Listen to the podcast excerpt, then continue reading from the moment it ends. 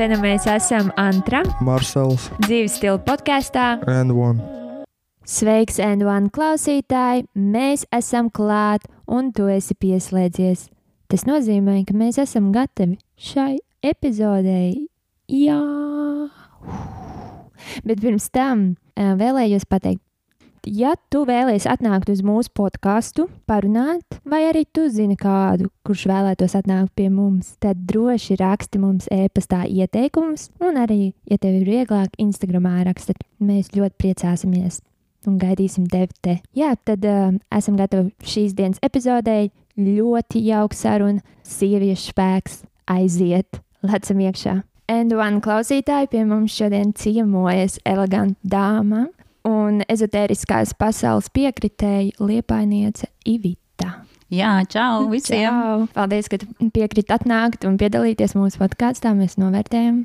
Jā, paldies, ka uzaicināji. Jā, personīgi es ar Ivitu neesmu pazīstama, bet man kāds labs putniņš pačukstēja, ka būtu ļoti vērtīgi uzaicināt tevi uz podkāstu un būtu interesanti visiem. Nu, skatīsimies, kas mums sanāk, cik mums ir interesanti. Kā tu jūties vispār? paldies, ir ļoti labi. Laukā ir mūsu ilgākais pavasaris, spīd saule, bet patiesībā diezgan augsts. Un ne tikai augsts, bet arī dzēsters. Bet ir ok, ir ļoti labi. Iesākumā droši vien mēs vēlamies nedaudz uzzināt par tevi, pastāstīt. Tātad mans vārds ir Ivita, kā jau mēs iepazināmies. Ikdienā veltu laiku sev. Šis ir tas posms dzīvē, kad ir pienācis brīdis jāapskatās, kas ir padarīts un kur jāvirzās tālāk. Es domāju, ka šāds posms ir patreiz ļoti daudziem cilvēkiem, kas saistās ar to, kas notiek pasaulē kopumā. Un līdz ar to ir mums burvīgs laiks, kad mēs varam pabūt paši ar sevi, ar savām domām, saprast, kur mēs virzīsimies tālāk, vai pat nesaprast un ļauties tām virzībām, kur mūs nes un iet uz priekšu. Kā tu raksturot savu dzīvesveidu, un otrs, kas tavuprāt ir dzīves stils, dzīvesveids? Šis ir ļoti interesants jautājums par dzīvesveidu vai par dzīves stilu kā tādu, jo, manuprāt, dzīves stils ir atkarīgs ļoti no tā, kādā līdzsvarā tu esi. Un tas arī nosaka dzīvesveidu un nosaka dzīves stilu. Dzīvesveids vai stils ir ļoti atbilstošs tam, cik tu spēj līdzsvarā būt ar sevi, ar savu apkārtējo pasauli, ar dabu un neiekrist kaut kādās bezgalībās, bezjēdzībās vai galējībās. Ļoti svarīgi ir saprast, ka tikpat cik ļoti svarīgi mums ir fiziskā pasaule, kur mums ir jāpelnā nauda, kur mums ir jādomā par reālām a, darbības sfērām un reālām darbībām, tikpat arī svaru kausos atbilstīgi ir šī garīgā pasaule mūsu iekšējā, par kuru mēs a, varbūt sākam aizdomāties tādos brīžos, kad mēs vairs nespējam saprast, ko darīt ar savu fizisko pasauli, un tad mēs sākam tvert domas, ka bez tās ir arī vēl kaut kas. Un uh, mēs sākam meklēt uh, atbildes uz jautājumiem, kurus mums īsti nekur nav atrodams patiesībā. Tas ir tas dzīves stils, ka tu nolīdzsvarojies un tu saproti, ka nav tikai laime vienā darbā vai naudā, un arī nav laime tikai vienā garīgumā.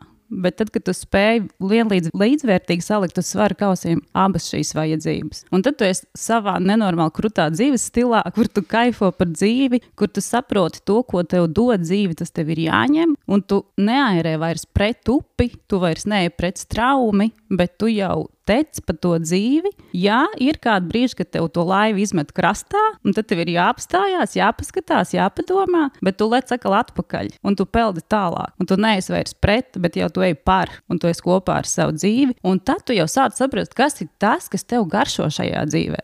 Kas ir tas, kāds garšas tu gribi tajā dzīvē. Vai tev gribās vairāk sāļu, vai saldu, vai rūktu, vai skābu. Un tad tu jau meklē, kur tās garšas var atrast. Un tu veido to savu dzīves stilu tik piepildīt, tik krāsaini, tik garšīgi un tik sulīgi, jo tās ir tās garšas vai krāsas, kuras tev patīk. Nevis tā, kā gribētu redzēt tev kāds cits. Šie ir viedi vārdi. Paldies! Kāds ir stāsts, ko tu stāsti sev? Es uzskatu, ka mēs esam paši autori savām dzīvēm, vai ne? Un mēs izvēlamies interpretēt situāciju, skatoties uz mūsu perspektīvām, un tas ir stāsts, kā mēs to stāstām sev. Tad eh, kāpēc mēs redzam sevi tādu, kādu mēs to redzam?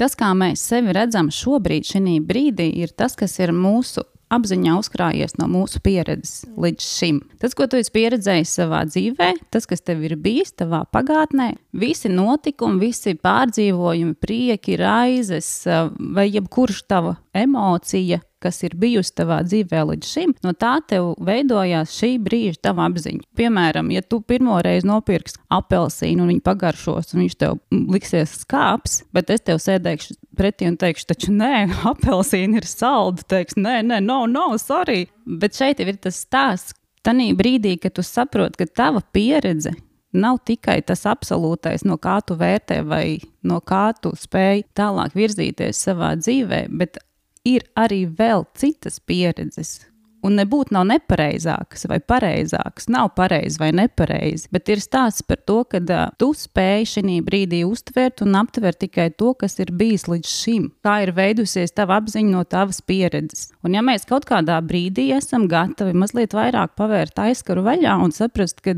mēs varam jau paskatīties uz citām daudzām pieredzēm un atkal paņemt no tā, kas uzrunā Nevienam nav jāsaka, ka tev ir jāstaigā cita cilvēka čībās, vai jādzīvo viņa dzīve, vai jābūt tādam, kāds ir viņš, vai, vai jāiedvesmojās. Bet ir kaut kādas lietiņas vai nianses, kuras tu tiešām vari paņemt no kāda. Ka tev nav jāiziet tai pieredzē pašai cauri, bet tu jau vari paņemt gatavu to produktu. Un ja tu to spēj saprast, tas, kas der man, neder citam, vai tas, kas garšo man, varbūt negaršo citam. Nebūtu nav tā. Nav balts un melns, ir tik daudz krāsu, ir tik daudz garšu, ir tik daudz sajūtu. Tikai tas viss ir jāsaprot, kas ir tavs.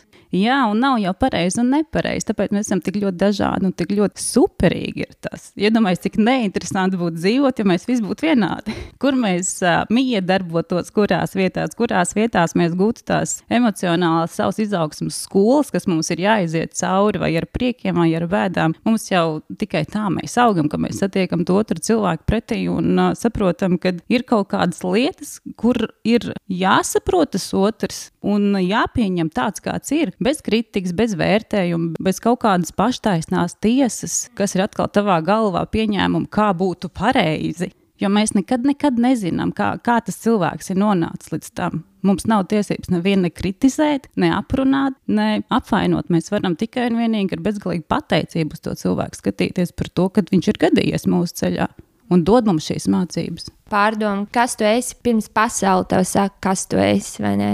Pēc būtības, tad, kad tu piedzimsti un līdz kaut kādam tādam noteiktam laikam, tu noteikti esi savu vecāku atspoguļojums. Tā kā vecāki domā, tā kā vecāki uztver dzīvi, tas ir tas, kas vecākiem šķiet pareizi, un tas ir tas, kā vecāki audzina katrs savu atvasi.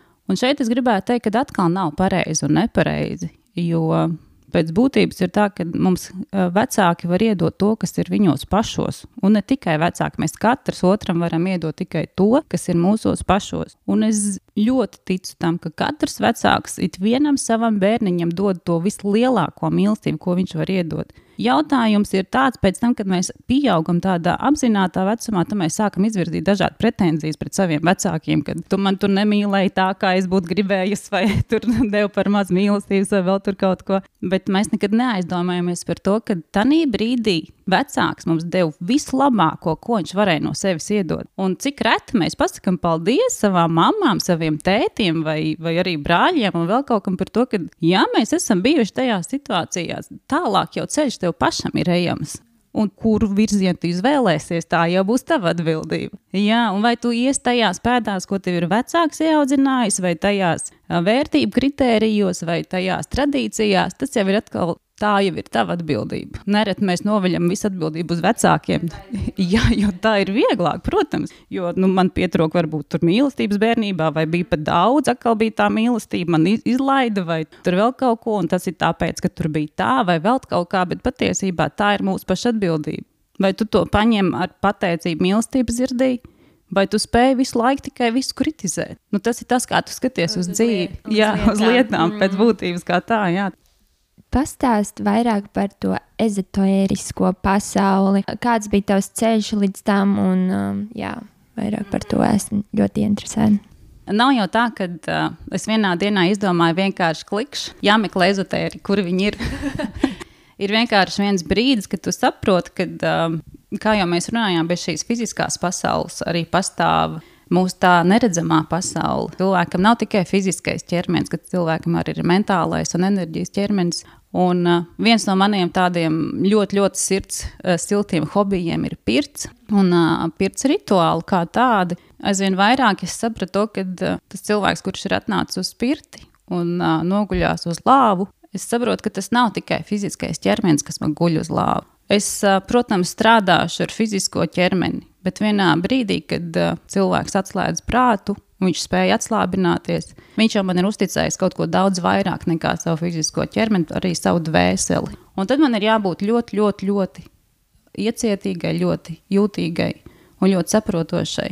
Jo dvēseli atkailināt ir daudz grūtāk nekā ķermeni. Un, kad to saproti, tad tu sāc jau meklēt atbildes uz ļoti daudziem jautājumiem. Kāpēc ir tā, un kāpēc ir tā, un kāpēc kaut kādā brīdī, kad es strādāju ar fizisko ķermeni, atsaucās arī cilvēka enerģētiskais ķermenis, un uh, kurā brīdī tā enerģija plūsma ir vienāda ar limfu vai ar asins riti, kurā brīdī tas ir sasaucās un kurā brīdī tas savijās un kā man ir jāstrādā ar to. Un tad ļoti daudz jautājumu radās, un uh, tas ir tas ceļš, kā tu aizēji pie izpratnes par cilvēku enerģētisko lauku, par cilvēku enerģijas riti kā tādu. Mēs esam pieraduši, ka mēs zinām pasīns riti daudz.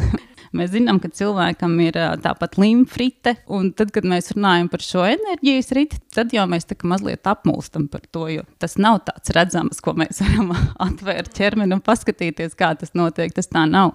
Šie visi jautājumi, šīs visas darbības man ir novedušas pie tādām skolām vai mācībām, kā enerģētiskās masāžas, bez pieskāriena vai ar pieskārienu, bet tas ir tas brīdis, kad tu saproti, ka tu esi jau vienā enerģētiskā energo laukā ar to cilvēku. Nav tā, ka tu viņam kaut ko dod vai ņem no sevis. Bet uh, svarīgi tam cilvēkam saprast, ka viņam pašam sava enerģija ir gan sevi jādziedina, gan sevi jāmotivē, gan sev ar savu enerģiju jāiet pa dzīvi. Es gribētu teikt, ka uz pasaules nav nekā dārgākā enerģija. Ja cilvēkam nav enerģijas, viņš ir miris. Viņš neko nevar izdarīt. Mēs paši pēc sevis zinām, reizēm ir, ir vienkārši grūti izvilkt kājas no gultas ārā, jo nav spēka, ir besis. Vienkārši varētu pārvilkt cegu pāri pa galvu un, un visu dienu gulēt. Jo vienkārši maz enerģijas, ir trūkst spēka, trūkst uh, šī, šī enerģija, kas tev ceļ, kas tev liek celties, iet, darīt, skriet. Un tad ir jāsaprot, ko es varu, kā es varu sev palīdzēt, lai atrisinātu to situāciju, kur dabūt to spēku, lai no rīta atverot acis, saprotu, man ir vēl viena diena iedot. Ko darām šo? Šodien, kur ejam, kur braucam. Un atkal ir šeit tas jautājums. Nu, nav jau tā, ka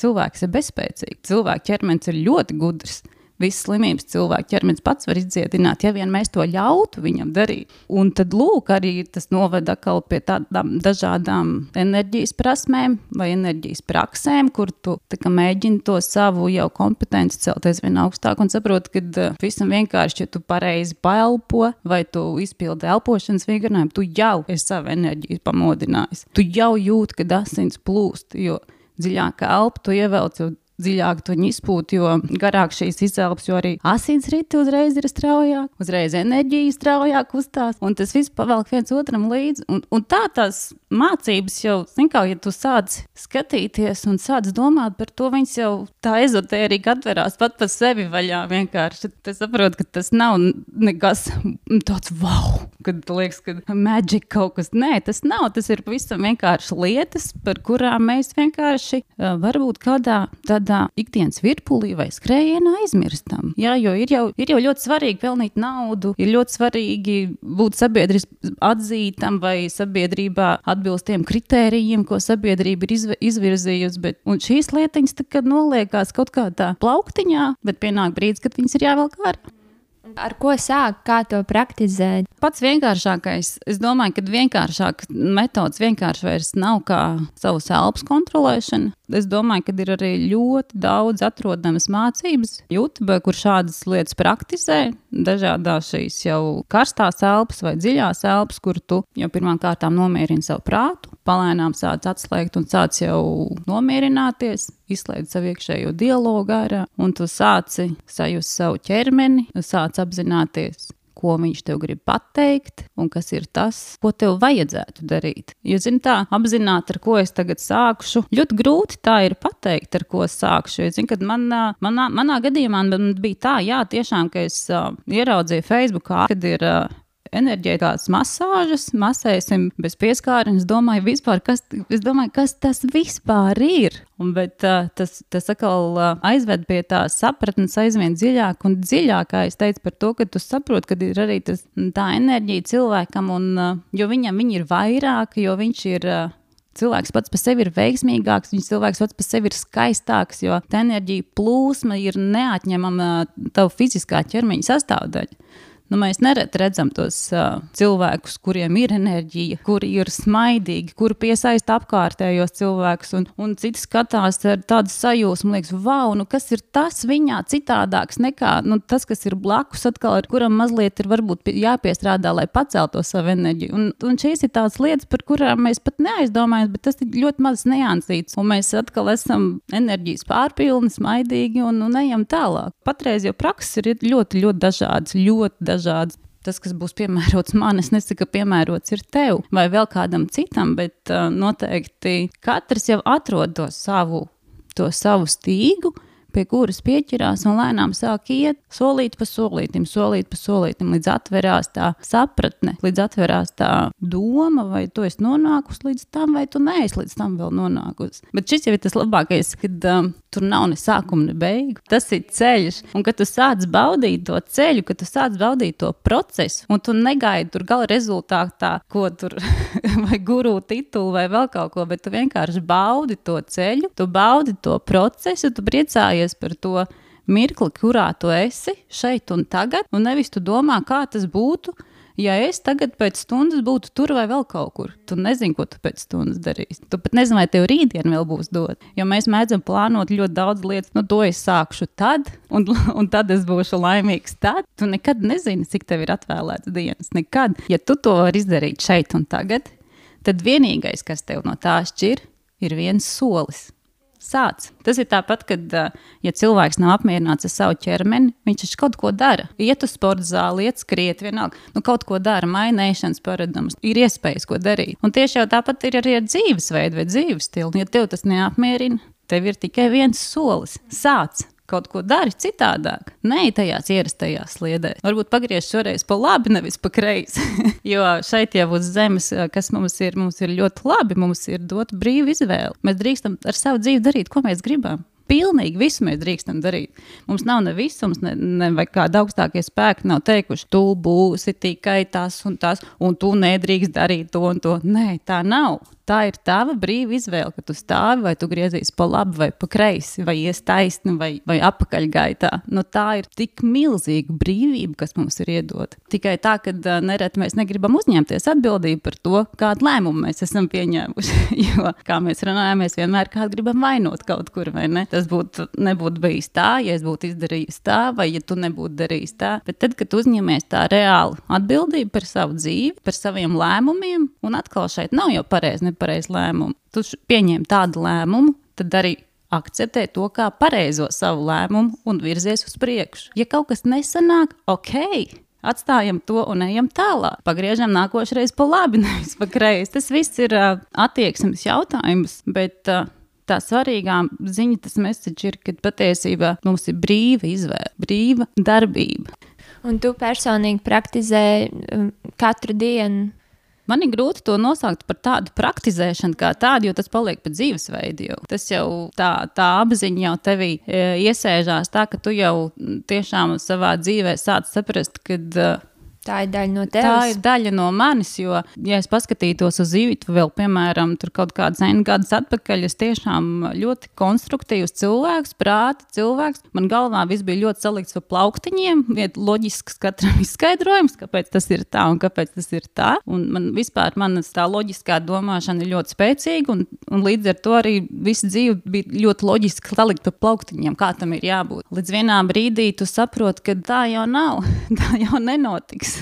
Un tad uh, lēnām tie visi loģiski saliktie plauktiņi sagāžās vienā čupā, vienkārši vienā bardakā galvā. Un tad tu sāc domāt, vai nu tu viņus atkal liks atkal pa plauktiņiem, atpakaļ smuks saliks, vai nu tomēr tu tā kā sāksi skatīties un saprast, kā ļauties kā neiesprūst tai vienā kaut kādā konkrētā, izvirzītā mērķī, ko tu esi nospraudis, uz kur tu ej, kas tev ir jāpanāk, cik tev ir jānopelna, kas tev ir jāsasniedz. Tādas birkas, ko mēs gribam sev piekabināt, lai mēs labi izskatītos vecāku, kaimiņu, draugu, sabiedrības acīs, lai tevi novērtētu kā stipru, spēcīgu, pārliecinošu, bet vai to vajag tev? Kas ir tas, ko tu gribi? Tad no šīs ļoti loģiskās struktūrās uzturētās ivitas. Tas ir ļoti skaisti pārvērties tajā skaistajā ļaušanās, plūdumā. Un es vairs to nevaru nodalīt no kā ezotēriku. Es vairs to nevaru nodalīt no kā ikdienas praksi vai kā ikdienas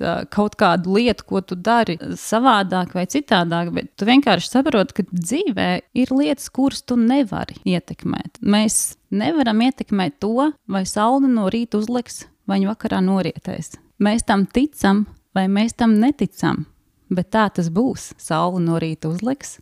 Un vakarā norietēs. Un mēs tam gribam ticēt, vai mēs tam negribam ticēt. Bet tad, kad saule uzliks, mēs modīsimies, un tad, kad saule rietēs, mēs iesim gulēt. Un tajā brīdī tev nāk tā sapratne, ka tu dzīvo pēc visuma likumiem. Mēs šeit uz Zemes, jā, planētas dzīvojam pēc cilvēka izstrādātā kaut kādām likuma versijām. Protams, ir jābūt iekšējai kārtībai, kā dzīvot, bet kopumā, ja mēs ņemam tā lielos vilcienos, tad mēs dzīvojam pēc visuma likumiem ja vienā brīdī uznāks kāds, nezinu, liels tsunami vai vētra, mēs cilvēks pēc būtības esam tāds mazs, mazs melnumiņš aiz naga, kur tāds tsunami vai vētra vispār nepamanīs, vai tur bija vai nebija kaut kas. Noskalo ne tikai mājas, noskalo reģionus, noskalo pilsētas, pazūd no zemes virs, tā ka nebija bijis nekas, bet cilvēks pēc būtības sev ir uzbūvējis to varenību tik milzīgu, Jā, kad uh, šķiet, ka bez uh, viņa ziņas pat uh, putnam spalva nevar nokrist, bet tā jau nav. Tā jau nav, jo patiesībā ne jau mēs esam dabai vajadzīgi, bet daba ir vajadzīga mums. Es vēlējos arī jautāt par to kontroli, ka cilvēks domā, ka viņš var visu kontrolēt. Kaut kādas lietas noteikti ir cilvēks, ko var kontrolēt. Nav jau tā, ka uh, viss aiziet pilnīgā pašplūsmā. Tā arī nav. Tas ir tas, par ko mēs sākumā runājām, par to uh, dzīves stilu vai dzīvesveidu, kad uh, mums ir ļoti svarīgi līdzsvars. Ir jāsaprot, kurā brīdī tev tā kontrole ir jāatlaiž vaļā un kurā brīdī tev ir jāiekrampējās ar nagiem un jātur tā kontrole. Mēs gribam vai negribam, uh, neviens mums nav atņēmis arī fizisko dzīvi no, no šīs garīgās dzīves. Līdz ar to ir uh, lietas, kurām ir jāseko līdzi, ir jāsaprot, kā tu to izdarīsi vai kā tu panāksi. Šeit ir atkal tas svarīgi, kad neieciklēties atkal tik ļoti. Atkal šeit tas līdzsvars ir. Tev ir jāzina, tev ir, tev ir jābūt atbildīgam par to, ko tu dari. Tu esi atbildīgs par savām izvēlēm, jo tev ir tās finansiāli jāsedz savas izvēles, vai savas vēlmes, vai savas iegribas. Un uh, tu nevari to pār, pārmest vienkārši uz kādu citu, jo teikt, ka, nu, sorry, es nekontrolēšu vairāk to. Tā jau arī nav. Protams, kad. Uh, Šeit ir svarīgi tas līdzsvars. Ja tu saproti, ka tu to nevari, tad tev ir jāpalaiž un jāmeklē cits variants. Bet, tad, ja tu saproti, ka tu to vari, tad tu to vari un ej vēl uz priekšu, vēl vairāk tu vari. Nav tā, viss tikai, aiziet ļoti, ļoti tādā pašplūsmā.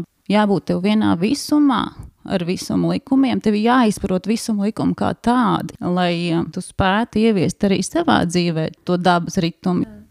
Ko tu esi varbūt iemācījusies un ieguvusi? Kāds lielākais ieguvums? Domāju, ka tas lielākais ieguvums ir uh, spēja palaist vaļā to kontroli, Tad, kad tu saproti, ka viņi vairs nav vajadzīgi vai vairs nestrādā tajā virzienā, kā, kā bija izdomājis savā prātā, vai ne? Jo mēs jau savam prātam atvēlam ļoti lielu kungu lomu savā dzīvē. Patiesībā mums ļoti daudz ko nosaka mūsu prāts, un nereti mēs arī viņam ļoti klausām savam prātam. Ejam viņa tādā pavadiņā.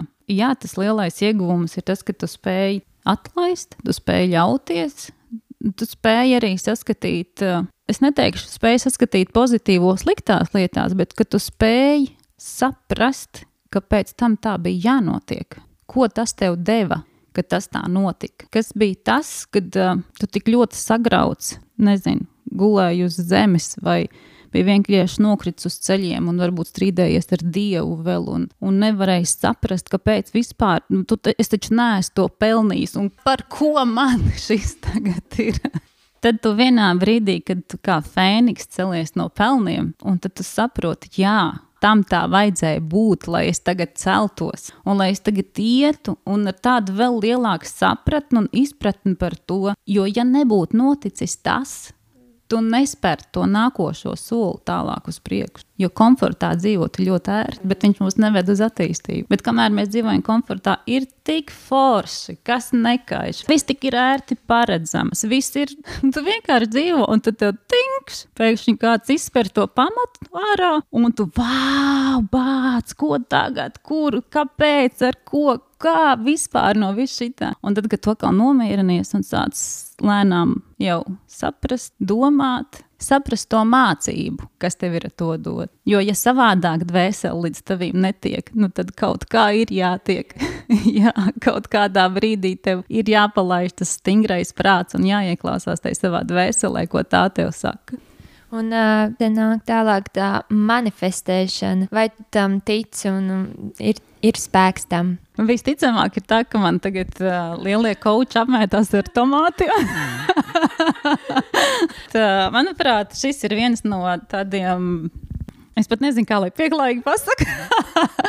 viens no tādiem, bet atkal priekš manis nesaprotamiem veidiem, kā mēs vispār gribam kaut ko dzīvē akcentēt, vai kaut ko dzīvē iezīmēt, vai kaut ko dzīvē kā, pasvītrot ar, ar sauklu par manifestēšanu par šo, jo tas, kas man ir šodien, Tas nenozīmē, ka tas man būs rīt. Nu, tikko tu uzraksti to vārdu uz papīra, viņ, viņš savu, savu spēku ir zaudējis, savu vērtību zaudējis. To, tas nenozīmē, ka tu rīt rakstīsi tieši tādu pašu vārdu uz to papīra. Vai tās vērtības, kuras tev ir šodien, tas nenozīmē, ka tu rītā viņām sekos līdzi. Tas nav tā, ka akmenī iekaļ kaut ko, kam uh, es piešķiru, kam es ar savu prātu, ar šīs dienas prātu piešķiru kaut kādu nozīmi.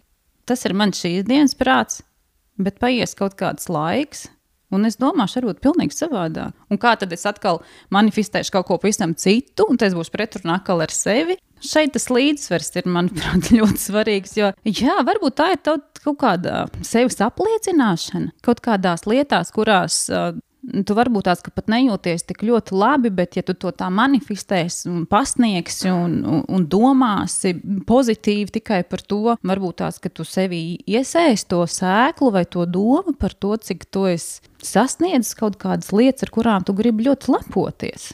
Bet vai tas teiciens, ka fake it till you make it, vai tas saistās jā, ar to jā, manifestēšanu? Jā, es sasaistu ļoti to kopā, jo, nu, zini, kā man ir vispār grūti spriest, jo man uh, tā ir, kad man nav velku, kam es ļoti sekoju līdzi. Man nav konkrēts viens dziedātājs vai viens kino aktieris vai, vai kas vēl kāds viens konkrēts cilvēks. Tā nav. Man tāpēc ir grūti arī varbūt, bet tas ir priekš manis. Es tagad nesaku, ka kādam varbūt tas tieši atkal nostrādā perfekti, bet man nē, jo Es saku, es, es ļoti labprāt neieciklēju sev tajā vienā domā un nemanifestēju to vienu konkrēto to domu vai ideju vai savu sasniegumu. Jo tas ir varbūt tikai viens mazs pakāpiens kaut kādā milzīgā lēcienā, kur tiešām tas milzīgais lēciens pēc tam prasīs kaut kādu jau varbūt manifestāciju vai vēl kaut ko. Nu, tā kā tā, priekš manis tā na, tam nav nekāda nozīme. Priekš manis tam nav kaut kāda īpaša vieta dzīvē izdalīt, vai tiešām es ļoti gribētu akcentēt vienu lietu un teikt, jā, šis ir nenormāli krūts, un, un teikt, tagad, mīļie cilvēki, viss darām tikai tā, jo tā būs nenormāli pareizi, un tā mēs sasniegsim kaut kādas lietas, kuras mēs esam izdomājuši ar savu prātu, atkal esam kaut ko pieņēmuši, kā ir pareizi vai nepareizi, un, un tā jau paliek tāda nevajadzīga lieta, manuprāt, lai piedod visu koči. Kas tev motivēja, kur tu rodi motivāciju ikdienu?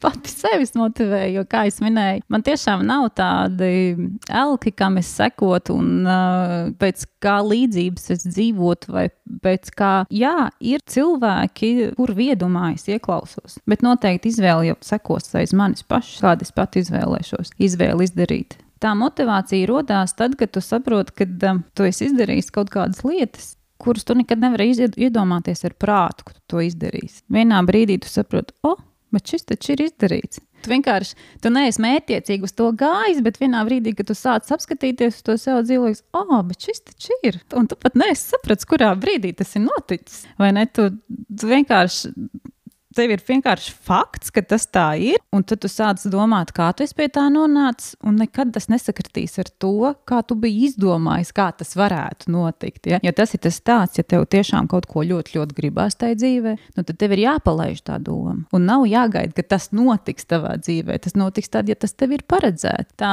motivācija, tā pašmotivācija, tā ir tā, kas tev liek rakt dziļāk, meklēt vairāk, izprast, saprast, kāpēc tas ir tā un ne tā. Un atkal to, ko es sapratīšu, kāpēc tas ir tā, tas nenozīmē, ka tev tas būs tā, jo tu sapratīsi to pilnīgi citādāk. Tad mēs saliksim abus viedokļus kopā. Un atkal jau nav, nav pareizi un nepareizi. Ne? Jā, tas stāsts ir par to, ka uh, tā ir tā foršā feature, ka tev ir brīva izvēle dzīvot kā tu gribi. Tev ir uh, brīva izvēle pie, pieņemt, ka tas lēmums, kādu tu esi izdarījis, tas ir vispareizākais priekš tevis tajā brīdī. Tev ir brīva izvēle no rīta pamosties un domāt, cik šodien ir forša saulaina diena, bet tev ir arī brīva izvēle no rīta iziet ārā un saprast, ka šodien ir nenormāli draņķīgi vajadzīgs laiks. Vienkārši dubļi līdz potītēm ir. Un atkal taisnība ir jebkurā gadījumā. Es ar savu šausmīgo fanātismu par saulaino dienu varbūt izies, izskriešu vienā kleitiņā laukā un sapratīšu, oh, bet tu izies gumijas zābagos un teiksi, nu re, kuram tad bija taisnība tagad? Vai tu esi darījusi kaut kad dzīvē kaut ko tādu, kur tev ir kāds teicis, jā, ļoti labi, viņi tu dari ļoti labi, bet iekšēji tu saproti, ka tu to nevēlies darīt, jā, varbūt kā tik ārā no tā. Jā, manā dzīvē ir bijis tāds posms, ka es esmu darījusi darbu, notalgotu darbu, kurš man ļoti nepatika. Es nepārspīlēšu. Es tiešām no rīta sēdēju uz gultas malas man bija asaras, ka man jāiet uz darbu. Es vienkārši uh, gāju, jo ir, taču, ir, ir jau labi, ka tev ir vispār darbs, vai ne? Par ko tu tagad ņemies? Un tajā brīdī tu saproti, ka bācis reāli dara sev pāri. Tu vienkārši reāli dari pats sev pāri. Apzināti. Tas nav nejauši no, no, nokļuvis situācijā, un atkal, nu, cik vispār nejaušības ir ne šeit dzīvē. Bet vienā dienā jāpieņem lēmums, un stop, un viss, kā to izbeigt, cita atbildi nav. Nu, šeit ir atkal tā brīva izvēle, vai tu to dari sev mūžam pāri, Vai tu vienā brīdī pasaki, nu nē, es vairs negribu to. Es esmu sapratusi, kāpēc man tas bija, kāpēc man bija tas laika posms tur jāpavada, kas man tur bija jāizdara, kāda, kādas atziņas man ir jānomanāk. Un tad, kad es to sapratu, ka man tas klikšķis ir noticis, viss stop! Paldies! Paldies par sadarbību! Paldies, ka bijāt ar mani šajā ceļa posmā! Ejam tālāk! Ko tu domā, ja cilvēks uh, iegūst to, ko viņš ir ļoti vēlējies, pieņemsim kādu titulu, viņš ir tagad čempions uh, peldēšanā, vienalga, tad kā lai tā lietas tituls, ko cilvēks ir iegūst, neaizēno cilvēku vērtību, jo dienas beigās viņš jau ir daudz vairāk nekā tikai čempions peldēšanā. Šis ir tāds arī tāds diskutabls jautājums, jo tas cilvēks, kurš tiecās pēc tā titula, viņam ir ļoti svarīgs tas tituls. Tas nav mazsvarīgs posms viņa dzīvē vai mazsvarīgs sasniegums. Tas ir tas, ar ko viņš asociē sevi savi, nu, tādā konkrētā brīdī vai tādā konkrētā dzīves posmā. Jo tas ir tas, ar ko viņš iet.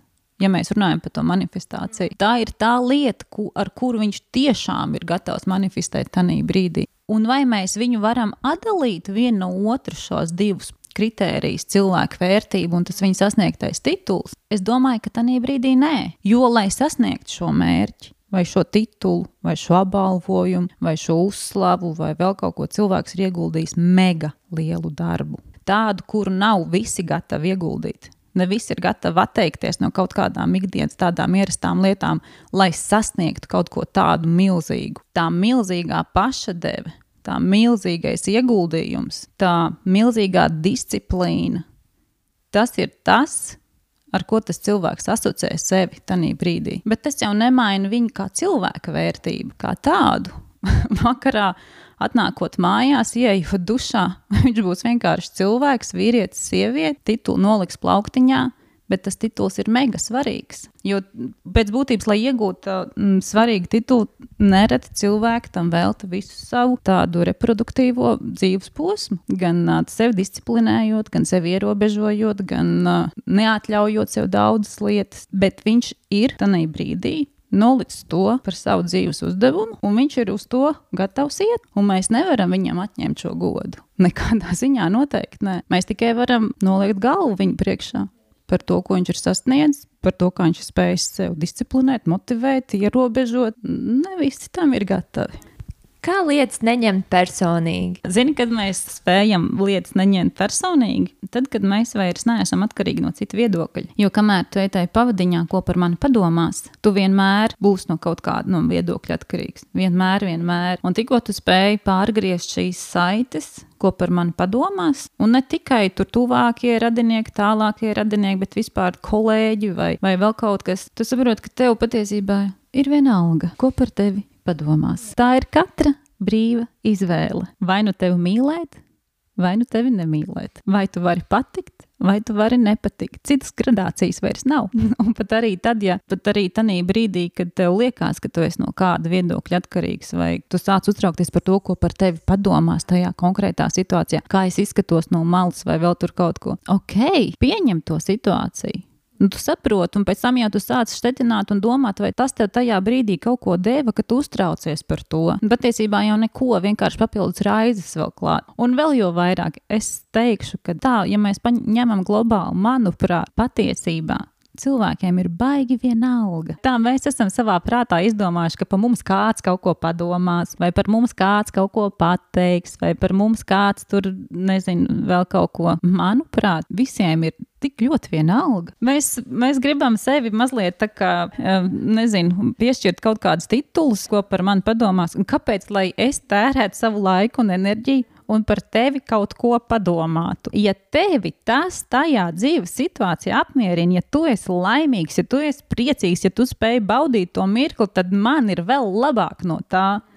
Vēl viens laimīgāks cilvēks uz šo planētu. Nu, super, dari! Jā, arī tu jau sākumā runāji par to, tas mantojums, ko mēs saņemam no ģimenes, cik lielā mērā tas ietekmē mūsu identitāti. Mm -hmm. Tu jau arī teici. Jā, ir, jo, jo zin, kā, mūsu mantojums no mūsu ģimenes ir, es gribētu teikt, nevajadzīgi nopelts vai nonievāts, jo tāda, kāda es šeit, šī brīdī sēžu, es esmu savu dzimtu atspoguļojums. Un ne tikai vienas dzimtas. Man aiz manas labās rokas man stāv man tēva dzimta, un aiz manas kreisās rokas vai ķermeņa puses stāv mana mātes dzimta. Un tā nav tikai mamma vai tētis, jo aiz viņiem stāv atkal viņu mammas un viņu tēti. Un aiz tiem atkal viņu māmas un viņa teica. Un tad, kad mēs tā varētu vizualizēt un padomāt, tad mēs varam stādīties priekšā, kas tas ir pa cilvēku pūli, kas stāv aiz mums, ja mēs tā vienkārši runājam. Bet patiesībā tā ir tāda dzimtas enerģija, kas tev nāk tavā dzīvē līdzi. Un tā nav tikai mammas, tā ir arī tēta dzimtas. Un tās ir divas svešas dzimtas, kuras ir savā starpā sastikušās vienā brīdī, lai rastos tu. Ir dots tā enerģija, dots tas brīdis, dots tas spēks un iespēja, un tu esi radies. Tu esi šeit. Un vai mēs esam kādreiz aizdomājušies par to, cik mums ir jābūt pateicīgiem saviem dzimtām, par to, ka mēs esam pieņemti savā dzimtā, ka mēs esam akceptēti, ka mēs tādi esam, ka mēs esam piedzimuši un ka mēs būsim viens no nākošajiem ķēdes posmiņiem, tai dzimtas lielajā ķēdē. Tas ir mega liels spēks, tā ir mega liela jauda, ko mēs nekādā veidā nevaram izslēgt. Bet uh, mēs nereti par to aizmirstam, jo mēs esam pieraduši tur vairāk nopelt viens otru, vai sūkstīties, cik uh, ir bijis slikti, vai par maz, vai savādāk, vai vēl kaut kā, bet uh, cik mēs maz varam noliekt galvas savas vecāku priekšā un uh, cik būt pateicīgi viņiem par šo. Jo tiešām es par šo varu ļoti apzināti un daudz runāt, jo es esmu arī viens no, no tiem cilvēkiem, kuriem uh, vienmēr licies, ka es būtu gribējusi savādāk, lai būtu nekā bija. Un, uh, Mēs ar māmu par šo esam ļoti daudz arī diskutējušas un, un uh, nerad strīdējušās. Tad vienā brīdī tu saproti, Ivita, ar, ko tu strīdies? Ar ko un par ko galvenais? Jo tu saproti, ka uh, tu esi šeit tikai tāpēc, ka tev ir dota tā iespēja, ka tev bija dota toreiz tā iespēja nonākt šeit uz planētas Zeme dzīvot savas brīvās izvēles dzīvi, atbildēt par savām izvēlēm. Ja es esmu darbā, es apzināti pildu savu darbu, ja es esmu mājās, es apzināti esmu mājās, ja es esmu uz ielas, es apzināti esmu uz ielas un apzināti ievēroju tos ētikas vai vēl viss noteikums, ko paredz, kā man uz ielas ir jāuzvedās. Nedarīt pāri sev ar tām muļķīgām domām pirmām kārtām un sūtīt to nenormāli lielo pateicību savām dzimtām par to, ka viņas ir apvienojušās un tev dod to, to spēku, milzīgo to jaudu šeit, virzīties uz priekšu. Jā, tieši tā. Jā, un man klausītāji, ja tev ir iespēja pazudīt saviem vecākiem vai vecvecākiem, tad pateikt paldies. Un vēl jau ir arī ļoti interesanti lieta, cik ļoti daudzi cilvēki arī dzīvo ne ar saviem bioloģiskiem vecākiem. Nevienmēr tie ir bioloģiskie vecāki, ar kuriem tu dzīvo vai kuri tev audzina. Uh, jā, bioloģiskie vecāki, acīm redzot, ir bijuši vajadzīgi, lai tu nonāktu šeit un piedzimtu, lai tava dvēsele materializētos, bet tālāk tavs ceļš ir aizgājis ar citiem cilvēkiem. Un atkal šeit ir tā lieta, tieši tāpat, jā, ok, ir daļa cilvēku, kas zina, ka tie nav bioloģiskie vecāki viņiem blakus, bet ir daļa cilvēku, kur nezina, ka tie nav bioloģiskie vecāki blakus. Un viņi pieņem šo domu, ka uh, nevis pieņem, bet viņi vienkārši dzīvo tajā pārliecībā, ka tas ir mana mamma un ir man, tas mans tētis. Un viņi pieņem to viņu dzimtu kā savu dzimtu. Šeit ir tas stāsts, ka atkal mums ir jābūt pateicīgiem tām dzimtām, kuras ir pieņēmušas tevi savā paspārnē un virza, norāda, atbalsta un nekad jau tevi nesoda. Tikai ļauj dzīvot, iet uz priekšu, mīlēt, saprast un virzīties. Kādu varbūt mantojumu tu vēlētos atstāt? Godīgi, nekādu. Nē, domu graudu. Mēs nākam ar vienu patiesībā tādu milzīgu, milzīgu uzdevumu iemācīties. Uh, beznosacījuma mīlestību. Mēs, protams, šīs beznosacījuma mīlestības izrādīt varbūt kādiem sev tādiem ļoti tuviem cilvēkiem, jo mēs cenšamies saprast, cenšamies iedziļināties, cenšamies būt viņa ādā, Un uh, cenšamies arī reizēm varbūt attaisnot vai, vai, vai, vai tur vēl kaut ko. Bet tikko mēs saskaramies ar kādu cilvēku vai kādu situāciju, kur tev nav ierasta un tie cilvēki nav tik tuvu, mēs sākam jau vērtēt, mēs sākam jau kritizēt, mēs sākam jau domāt, mēs sākam jau hm, hm, hm, tā, tā, tā. Paskaties, viņam nav tik daudz tās naudas, tas tur kaut kas nav tā kā vajag. Bet mēs nekad, nekad neesam bijuši tās cilvēku čībās. Mēs nezinām, kam viņš ir gājis cauri, lai viņš būtu tur, kur viņš ir. Un ja viņam kādā brīdī tiešām tā enerģija ir sakritusies tik maz, ka viņš nav radis spēku sevī, lai dotos tālāk, bet ir devis sev vienkārši kaut kādām dzīves atkarībām, mums nav tiesība būt Dieva vietā, viņu sodīt. Varbūt tās, kad viņa dvēsele nāca tieši pēc tās mācības, mēs nezinām. Mēs varam tikai saprast, jā, Ir arī tā, mums ir šīs brīvās izvēles ir tik daudz, un mēs vienīgais, ko varam cienīt viņus. Un, ja es varu iemācīt vai mantojumu atstāt, mantojumu atstāt to, to domas graudiņu par to, ka visi mēs esam vienlīdz vērtīgi. Neviens nav vērtīgāks vai mazāk vērtīgs. Nav tādu, kurš stāvēs veikalā ar lielāku cenu vai ar mazāku cenu. Nav tāda. Mēs esam vienlīdz vērtīgi. Tikai jāspēj saprast to, ka tieši tāpēc tā pasaule ir tik interesanta. Tieši tāpēc ir tik interesanti dzīvot. Ir tik interesanti satikt tik dažādus cilvēkus, saprast tik dažādu cilvēku domas, saprast dažādu cilvēku uzskatus un saprast, ka uh, katram strādā tas savs mehānisms, katram strādā tā savu pārliecību un nemesties ar to savu milzīgo pārliecību, par ko es esmu domājis, ka tā ir tikai manējā un patiesā, un tagad tev ir jādara tieši tāpatās. Nē, nebūtu nē. Kāds novēlējums N1 klausītājiem? Mīliet, mīliet, vienkārši mīlestībai ir tik ļoti daudz seju. Tas nenozīmē, ka uh, vārds mīl ir tikai vīrietis un sieviete. Jebkurš cilvēks, kurš ir ikviena cilvēka dzīvē, savā veidā, tu viņu mīli. Tu mīli savu kolēģi kā kolēģi, savu brāli kā brāli, savu mammu kā mammu, tēti kā tēti. Un, ja tu vari pateikt jebkuram cilvēkam, ka tu viņu pretīm nākošu, ka tu viņu pieņem, tev nav jāsaka, protams, ka tu viņu uzreiz mīli.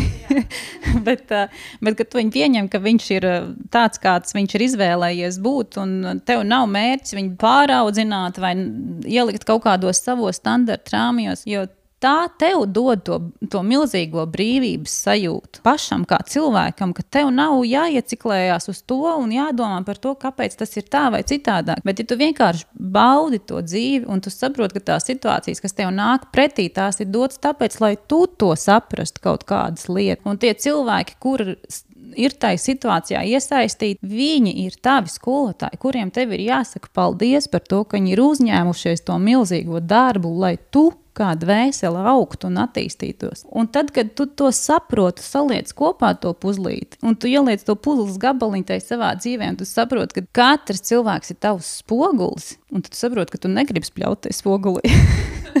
Pašam būs jātīra vienalga.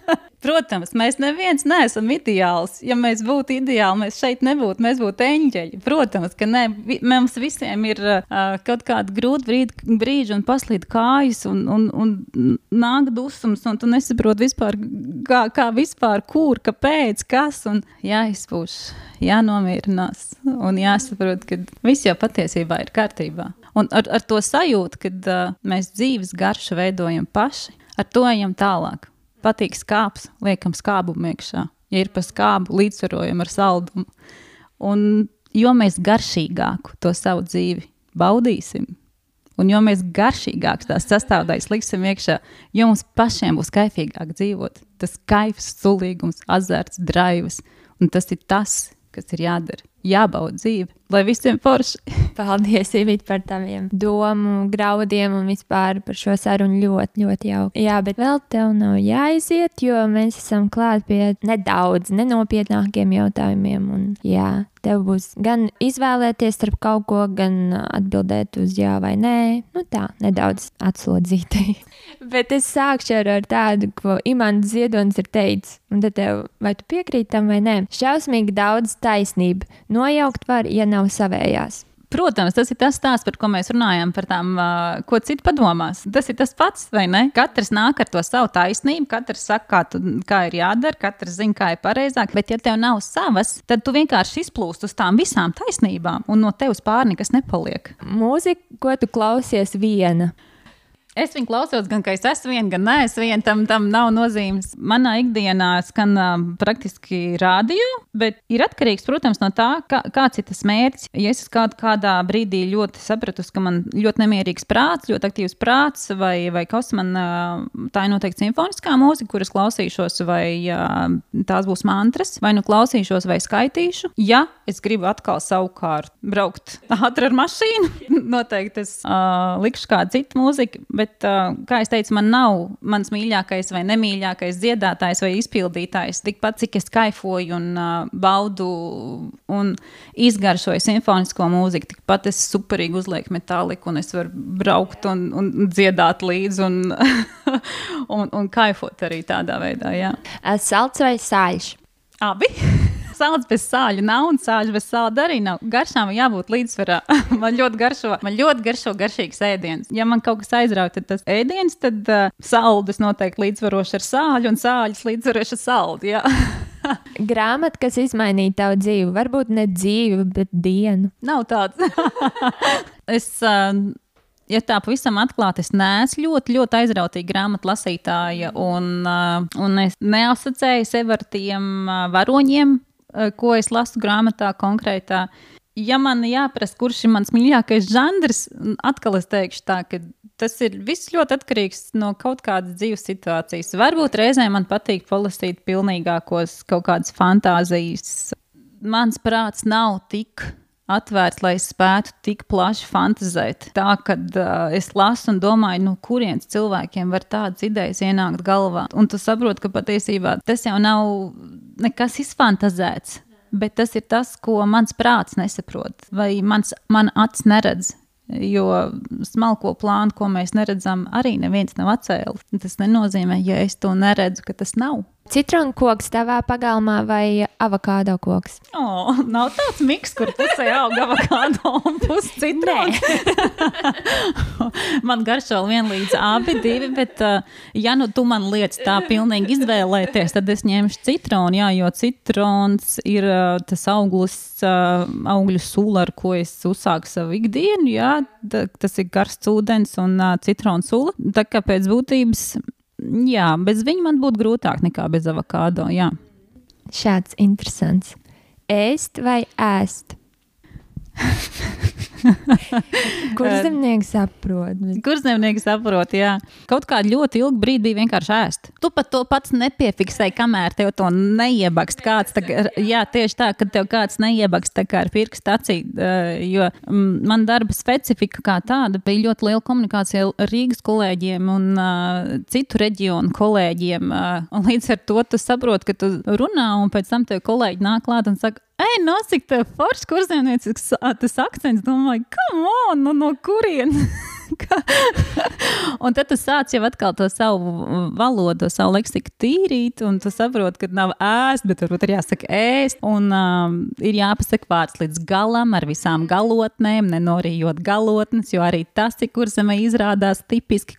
Vai tu labāk vēlētos ceļot visur bez maksas vai ēst visur bez maksas? Savienot, šitos savienot arī nedrīkst. Nē, Ēst vai ceļot? Nē, es ceļošu, tad labāk. Jā, es pagatavošu pat. Starp citu, es gatavošanu man ir tāds viens ļoti, ļoti mīļš nodarbi, un es ļoti labprāt daru un patīk. Un kā, jā, es tad izvēlēšos ceļot. Līdmašīna vai kuģis? Lidmašīna. Supermens vai Batman? Es īsti neredzu viņiem atšķirību. Jāsaka, godīgi. Bet, ja man ir jāizvēlās, tad es izvēlēšos Batman. Man labāk viņa tērps patīk. Jā, mīļākais TV šovs, seriāls varbūt no bērnības. Ko tu skatītos vēl un vēl? Es zinu, ka bija viens brīdis, kad skatījās draugi mm, seriālu. Bet vai es varētu viņu saukt par mīļāko? Es arī nezinu. Nu, Bet tu skatītos. bet es, vai viņi skatītos otrais? Ok, ok, jā, lai iet. Ok, lai iet. Jā. Lai iet, Ā. friends. Vieta, kur tu neatgrieztos otrreiz. Paldies Dievam, tādu nav. Kas ir omlete? Ola. Kā, tie, kā tā tiek pagatavota? Man ir bijuši dažādi varianti, kad es pasaku omleti.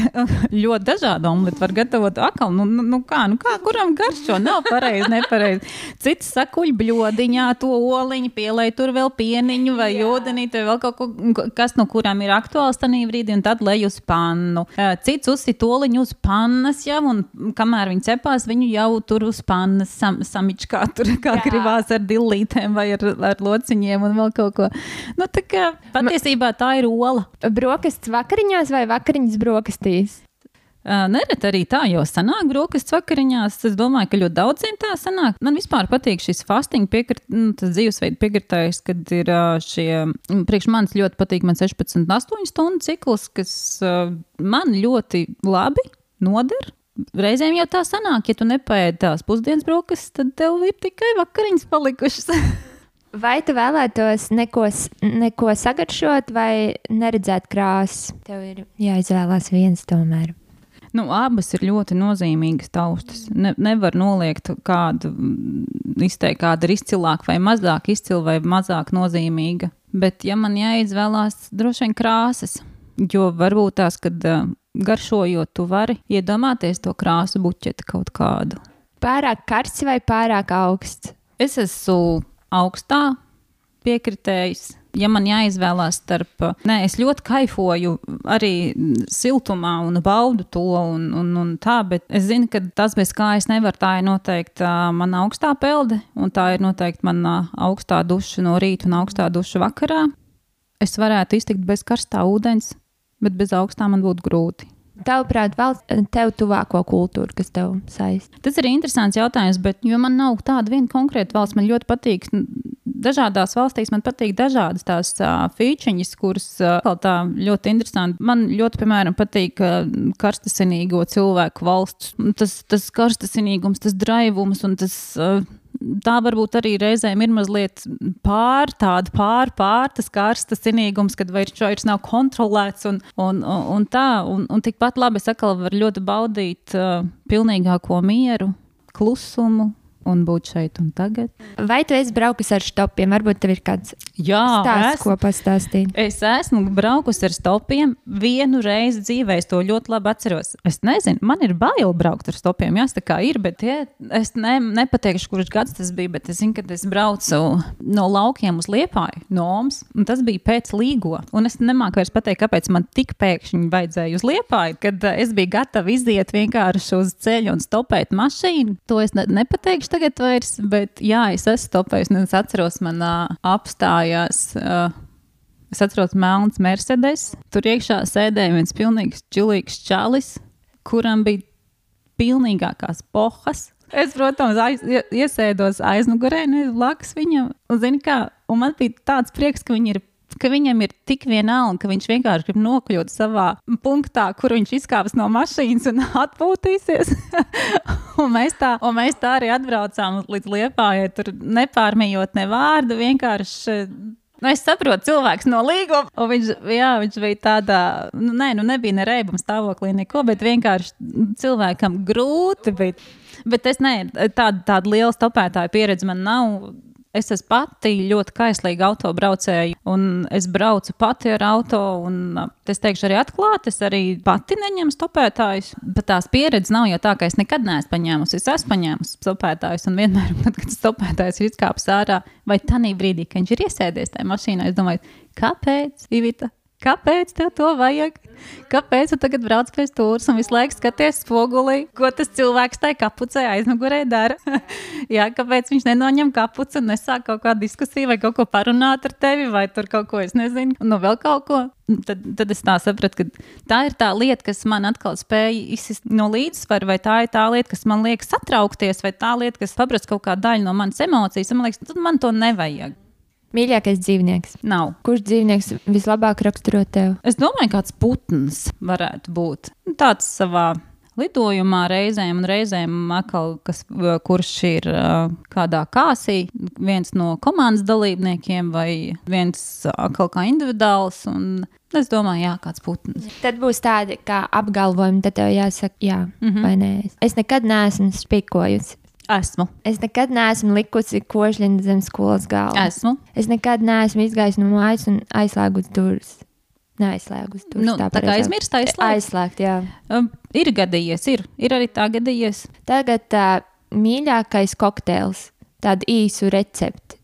Kas man ļoti garšo, tas gan nav tāds tipiskais kokteilis, um, tas gan vairāk būs uh, smūtī veidīgs, bet man uh, ļoti, man ļoti garšo avenis un uh, avens ar uh, banāniem un um, piparmētra lapiņām ir vienkārši kaut kas kaifīgs okay. un, un garšīgs.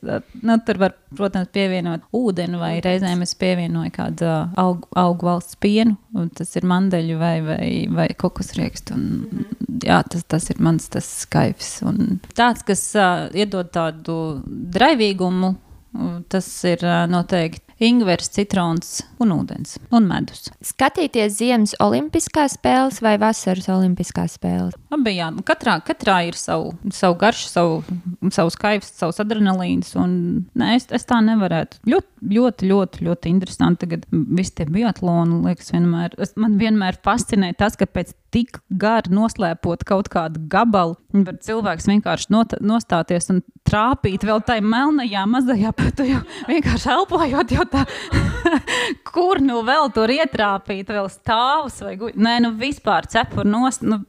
Teiciens vai citāds, kas ir pārvērtēts, tā kā overrated.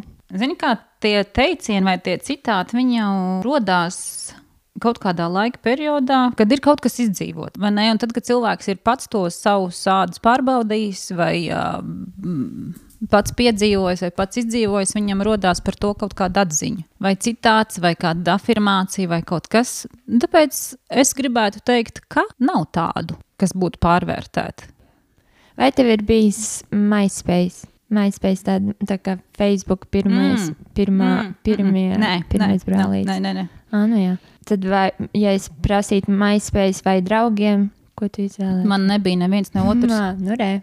Mm -mm. Mm -hmm. Es neesmu tik ļoti uh, aktīva sociālo tīklu lietotāja. Nē, man uh, ir uh, sociālie tīkli, viss ir kārtībā ar šo. Uh, bet jā, tā ir tāda, manuprāt, tā ir atkal tāda sociālā vide, kur ir uh, uzbūvēts šīs uh, ilūzija pasaules, un, uh, un mēs tik uh, ļoti kaut kā reizēm mēdzam tajā iestrikt, kad uh, mēs nesaskatām paši savās dzīvēs tās uh, foršās lietas, jo tur taču tam ir foršāk, vai ne? Vai ielikt kādu postu, vai, vai, vai vēl kaut ko. Tas ir tas, no, no kā mēs patreiz šī brīdī, es gribētu teikt, ir ļoti, vien, ļoti liela daļa viena cilvēka, kas smeļās uh, iedvesmu, kas uh, smeļās idejas, kuri skatās, kuri dzīvo līdz kādu konkrētu cilvēku dzīvēm. Mm, cik no tā nav ilūzija? Kāda tev bija iesauka bērnībā, ja tev ir bijusi? Īsti nē, man tas vārds ir tāds, kur nevar tur tā baigi pārveidot dažādos mīļvārdiņos vai iesaukās. Uh, nē.